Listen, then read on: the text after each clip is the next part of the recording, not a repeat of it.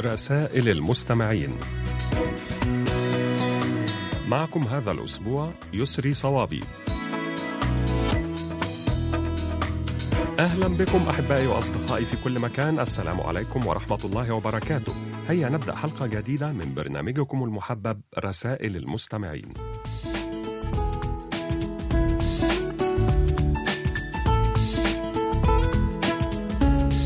ونشكركم في البداية أصدقائي الأعزاء على تعليقاتكم حول الموضوع الذي طرحناه الأسبوع الماضي وهو إذا كانت لديك دعوة مستجابة فماذا ستختار؟ وسوف نستعرض خلال هذه الحلقة بعض الردود التي جاءت إلينا على صفحتنا على فيسبوك.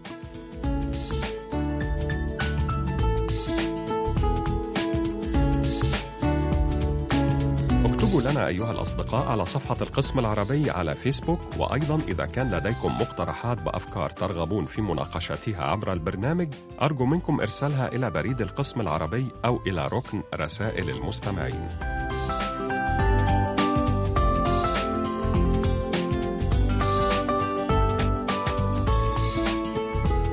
الآن نبدأ في استعراض مساهماتكم الجميلة ومعنا في مستهل هذه الحلقة المحب على الدوام علي بن شهرة من مدينة تيارد بالجمهورية الجزائرية ويقول تفتحت الورود فهلت السعادة. تفتحت الورود في الربيع فهلت معها السعادة وأشكال البهجة المختلفة. ففي ألوان الورود حياة كاملة مليئة بالفرح الكبير الذي يختبئ بين بتلاتها. فالربيع أجمل فصول العام وأكثرها إشراقا وحيوية ونضارة. وهو الفصل الذي تجتمع فيه كل ألوان الجمال وعطر الورود ويستطيع كل شخص أن يتنسم من عبير هذه الورود ويغرق في خياله الذي يأخذه لعالم الأحلام الجميل المحمل بالأمل والتفاؤل. الكثير من السعادة تتولد مع كل وردة ربيع تتفتح في الصباح. فما أجمل الربيع إنه عروس الفصول جميعا.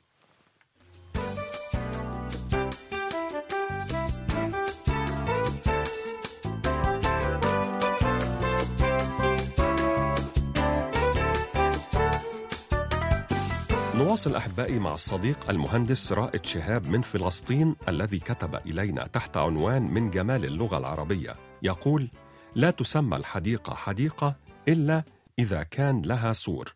فإن لم يكن لها سور فهي بستان. ولا تسمى المائدة مائدة إلا إذا كان عليها طعام. فإن لم يكن عليها طعام فهي خوان. لا تسمى الكأس كاسا إلا إذا كان فيها شراب فإن لم يكن فيها شراب فهي قدح. القطر بفتح القاف هو المطر والقطر بكسر القاف هو النحاس والقطر بضم القاف هو البلد أو الدائرة. ونقول هو عاطل عن العمل وهذا خطأ فالعاطل هي المرأة التي لا حلي لها. والصواب أن تقول هو رجل باهل. ونقول أيضا فلان عرضة للأمراض بمعنى أنه يصاب بها كثيرا وهذا عكس المعنى الصحيح تماما. فالذي هو عرضة للأمراض هو من لا يصاب بها ابدا. أخيرا هناك فرق بين الوجيف والرجيف وكلاهما بمعنى زيادة ضربات القلب إلا أن الوجيف بسبب الفرحة أما الرجيف فبسبب الخوف.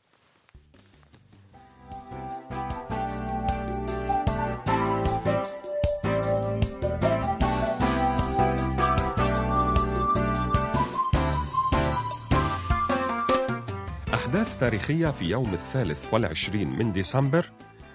أرسلها إلينا الصديق والراصد الرسمي جمال عبد الله من تونس ويقول في يوم الثالث والعشرين من ديسمبر من سنة 1958 دشن برج طوكيو وهو أعلى برج حديدي في العالم في ذلك الوقت.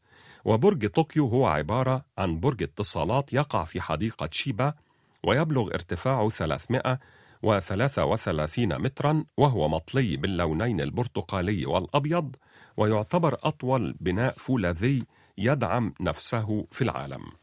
وتم بناء البرج في عام 1958 وهو يشبه إلى حد كبير برج إيفل في بنيته ويستخدم البث أو يستخدم في البث الإذاعي والتلفزيوني لشبكات هيئة الإذاعة اليابانية.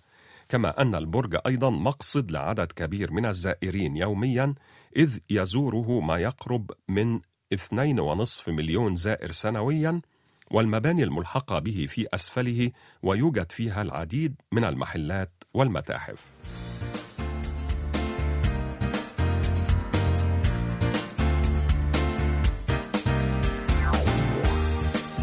الصديقة المخلصة حنان عثمان عبد القادر من مصر القاهرة السيدة زينب كتبت إلينا هذه المساهمة التي تقول فيها كلنا نسعى إلى تحقيق النجاح في الحياة سواء على الصعيد المهني أو العائلي أو العاطفي أو حتى على الصعيد الاجتماعي. ولكن ليس كل من أراد النجاح يستطيع أن يدركه. فتحقيق النجاح ليس بالأمر السهل ويتطلب منا الصبر والعمل والتضحية والأخذ بكل الأسباب التي تضمن تحقيقه واستمراره. لابد قبل القيام بأي عمل التوكل على الله تعالى والاستعانة به والتسليم لقضائه وأحكامه فالله سبحانه وتعالى هو الموفق والميسر لأسباب النجاح. وكل عمل لا يتوكل المرء فيه على الله تعالى ولا يخلص النية فيه لله وحده فهو عمل أبتر. لن يحصد المرء من ورائه خيرا ولا توفيقا. ينبغي أيضا على المرء أن يملأ قلبه بتقوى الله تعالى ومخافته والابتعاد عن كل ما يغضبه ويثير سخطه. فمن أعظم أسباب انقطاع الرزق وقلة التوفيق كثرة الذنوب والمعاصي.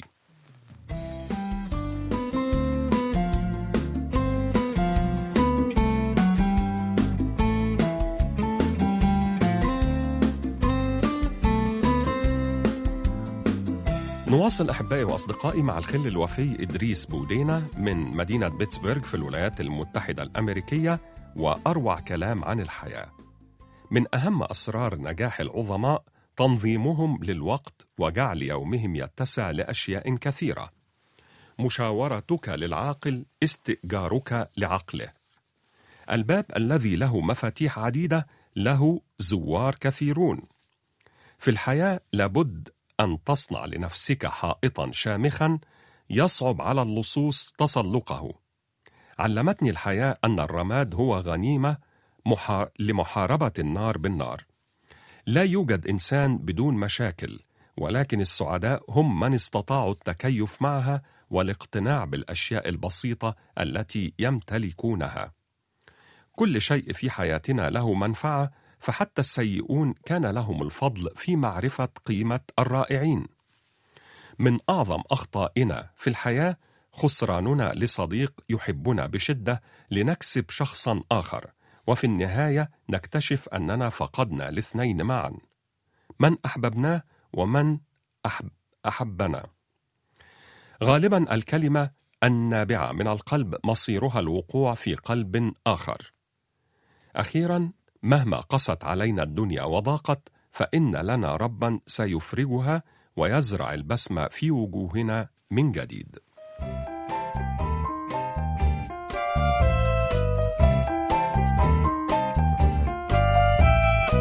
شكرا جزيلا لك يا صديقنا العزيز إدريس بودينا ونهديك ولكل الأصدقاء الأعزاء. هذه الأغنية الكورية اللطيفة بعنوان رسالة ليلية للفنانة آيو. 그날의 반딧불을 당신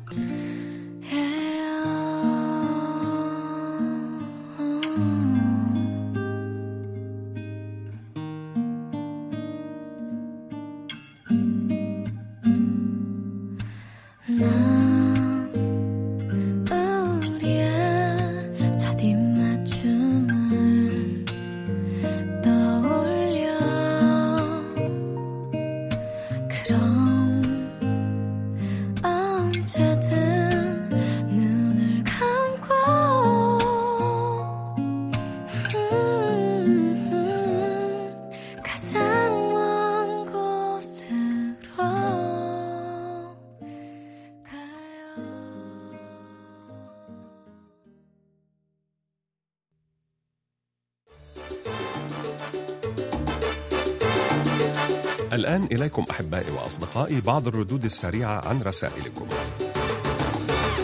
أحبائي وأصدقائي أدعوكم جميعا لإرسال تسجيلاتكم الصوتية التي تحتوي على مساهمات أو كلمات كتبتموها بأنفسكم أو مقترحات أو أفكار تريدون توصيلها عبر البرنامج.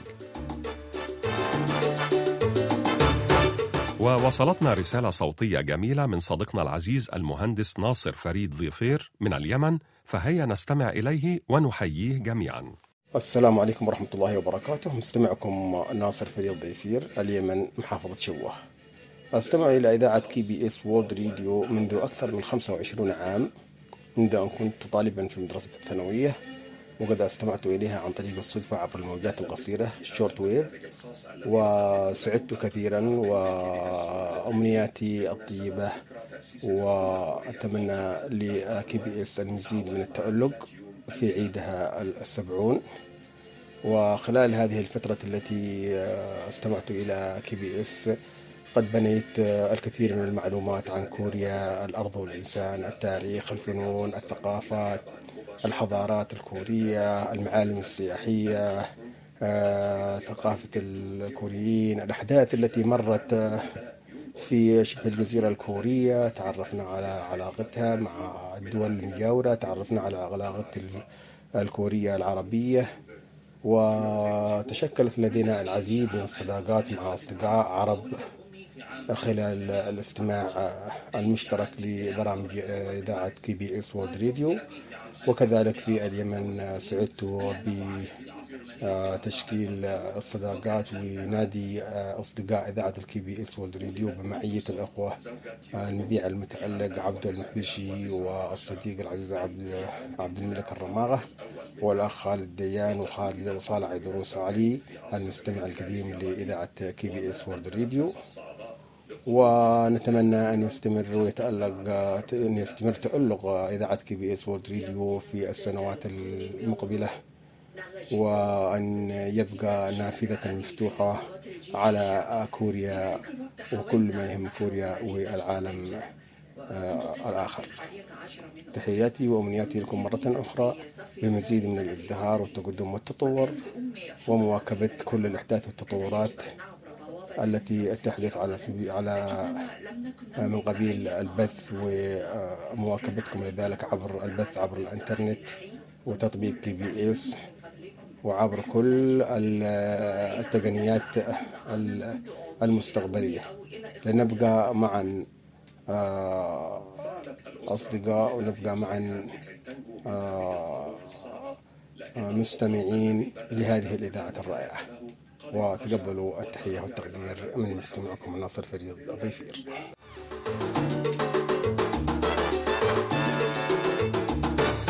أصدقائي الأعزاء وصلتنا أيضا رسالة من الصديق قاسم عبد القادر من الجزائر يقول فيها أكتب لكم هذه السطور والسعادة تغمرني أسرة القسم العربي وأسرة برنامج رسائل المستمعين. الأعزاء فردا فردا بمناسبة العام الجديد وأنا أثني وأفاخر بكم وأنتم تسهرون في تقديم كوريا للعالم كما هي بدون تزييف. وهذا ما يزيد من مصداقية هذه الإذاعة المهيكلة من كوادر ومذيعين أكفاء يصدحون بلغة عربية سليمة وموضوعات متنوعة كورية وعربية وعالمية لطالما كان حبي لهذه الإذاعة كبيرا وعظيما بل كانت أصوات المذيعين تدغدغ كياني عبر كلمات نابعة من القلب وهي تخاطب جماهير الناطقين والعاشقين للغة العربية بكل صدق ومصداقية. شكرا جزيلا لك يا صديقنا العزيز قاسم عبد القادر من الجزائر على رسالتك الجميلة وسوف ندرس مقترحاتك ونرجو منك دوام التواصل معنا. المستمع المخلص نور الدين أحمد حسين من الأردن شكرا لك على رسالتك التي تقول فيها يسعدني أن أكتب لكم هذه الرسالة لأعبر لكم عن حبي الشديد لكم فأنا من متابعي ومستمعي القسم العربي منذ سنوات.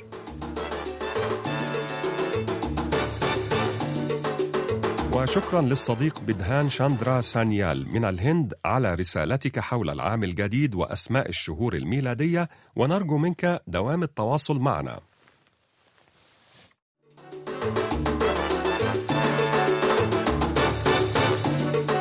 الشكر الموصول لمستمعنا الوفي أبو علي مؤمن. عنوان صندوق بريد 175 الكاليتوس 16057 الجزائر على هذه الكلمات. كل من لم يجد له مكانا في المجتمع يجب عليه أن يعيد التفكير في علاقاته الإنسانية مع الآخرين من حيث فهم حجم العلاقة وأثرها والتعامل معها بشكل إما تفاعلي متغير بشروط أو تكاملي ثابت.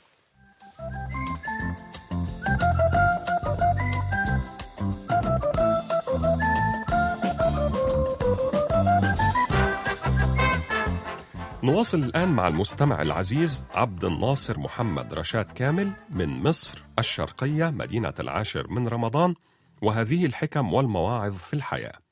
الحياة هي كلمة كبيرة ومعناها أكبر بكثير، ويجب علينا أن نعيشها ونستمتع بها ونستغلها يوما بيوم وساعة بساعة، وفيها نتعرض لمواقف متنوعة منها ما يصدق ومنها ما لا يصدق. الحياة ستظل جديرة بالاهتمام إذا كنت تبتسم. الحياة كالمرآة، تحصل على أفضل النتائج منها حين تبتسم لها. الأم شمعة مقدسة تضيء ليل الحياة بتواضع ورقة وفائدة. البخيل شخص يعيش طيلة حياته دون أن يتذوق طعم الحياة. التشاؤم هو تسوس الحياة لا حياة مع اليأس ولا يأس مع الحياة. المتشائم لا يرى من الحياة سوى ظلها.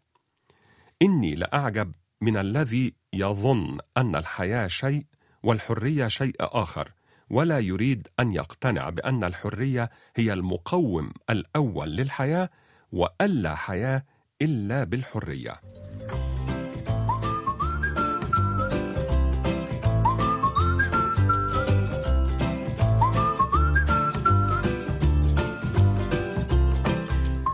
المستمع العزيز والصديق الدائم والوفي عبد الرحيم آية العواد عنوان صندوق بريد 257 الرمز البريدي 83000 تارودانت المملكة المغربية. كتب إلينا هذه المساهمة بعنوان قل وداعا وابتسم. حين تملأ كفيك من قمح القلب كي تطعم أرواحهم الجائعة ثم يخذلون إحساسك النبيل فلا تعاتبهم. فقط قل وداعا وابتسم. حين يتباكون كإخوة يوسف ويدعون الأسى على ما أصابك ثم تسمع في دواخلهم ضحكات شماتة تدوي فلا تعاتبهم فقط قل وداعا وابتسم. حين تنثر الورود وتنشر العطور وتنتشي كطفل فرحا لنجاحهم ثم يشككون في مصداقية مشاعرك فلا تعاتبهم فقط قل وداعا وابتسم. حين تقف على تلال الشوق تترقب بلهفة قدوم قوافلهم. وتمل الساعة من نظراتك لها ثم تكتشف أنهم نسوك ونسوا الميعاد. فلا تعاتبهم فقط قل وداعا وابتسم.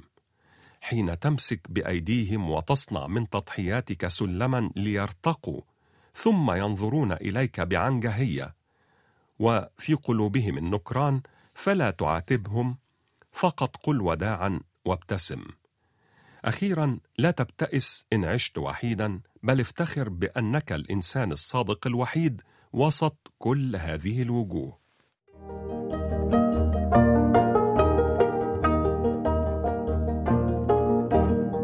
قضية الأسبوع. وموضوعنا هذا الأسبوع هو إذا كانت لديك دعوة مستجابة فماذا ستختار؟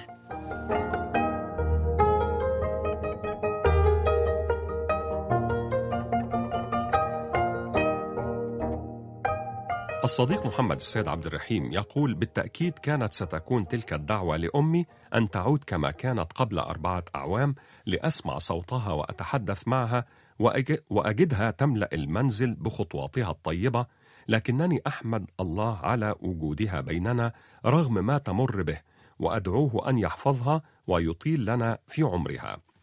كيم رامي تقول أو يقول أن يكون والدي في مقام الشهداء والأنبياء في جنات الخلد. نورهان عادل تقول أن نصبح أنا وعائلتي أغنياء. الصديق عمر حربيت العوني من تونس يقول بالتأكيد ستكون الصحة لأنها هي السبب الرئيسي للتمتع بالحياة. فالصحة هي أهم النعم المهمة التي لا تقدر بثمن. وقد قيل عنها الصحة تاج على رؤوس الأصحاء لا يراه إلا المرضى.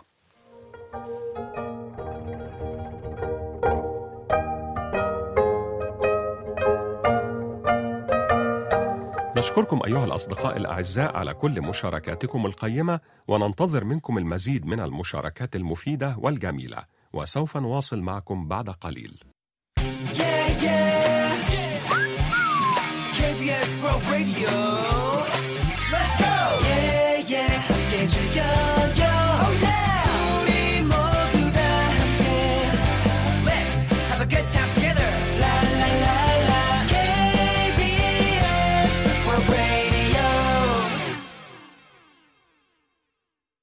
نواصل أحبائي مع الصديقة ربيعة بل يعقوبي عنوانها حي بهناق رقم 44 مدينة تلمسان الرمز البريدي 13062 الجمهورية الجزائرية. كتبت صديقتنا العزيزة ربيعة تقول الذهب الخام التبر يسمى الذهب الخام بحالته الطبيعية قبل الضرب بالتبر. ويوجد الذهب في الطبيعة على شكل عنصر خام بحيث يوجد في طبقات الأرض الداخلية على شكل عروق صفراء لامعة كما يوجد في قاع الأنهار والبحار داخل الصخور على شكل حبوب صفراء واضحة للعين وقد يصادف وجوده ممزوجا بالأحجار الكريمة مما يزيده جمالا.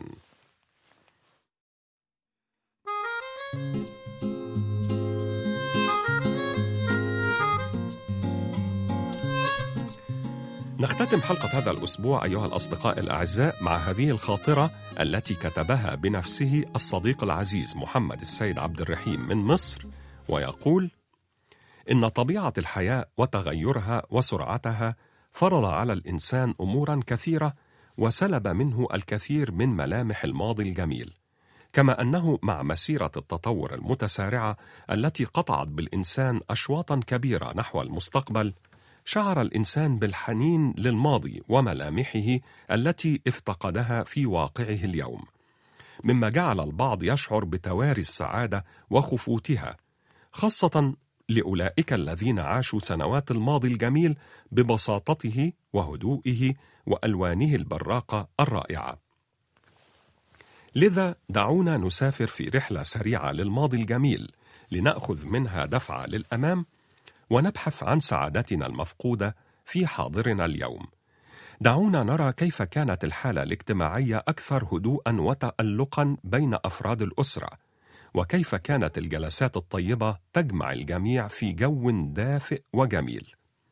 دعونا نسافر خلال هذه الرحلة السريعة إلى الماضي ونرى كيف كانت جداتنا وأمهاتنا تقوم بصنع الخبز في المنزل. نعم وقت أن كانت أمهاتنا يستيقظن قبل صلاة الفجر ويحضرن ليوم الخبز المنتظر. وعن نفسي يقول صديقنا العزيز محمد السيد عبد الرحيم عشت هذه الأيام الجميلة الطيبة في قريتنا قبل عقود وقبل مجيئنا للمدينة حيث كنا ننتظر هذا اليوم. فقبل ميعاد جلوس أمي أمام الفرن بساعات كانت هناك تحضيرات كثيرة أتذكرها كلها. وهناك استعدادات لتجهيز العجين الذي كنت أقوم أنا وأخي الذي يكبرني بمساعدة أمي فيها فلأنها أنجبت ستة صبيان ولم تنجب بنات كنا نساعدها ونخفف عنها العمل وأعباء المنزل. من بينها تحضير وتجهيز عجين الخبز. ولا زلت أتذكر أمي وهي تفتتح تلك التجهيزات بالبسملة ثم تدعو الله بصوتها الهادئ ثم تقرأ بعض آيات من القرآن الكريم.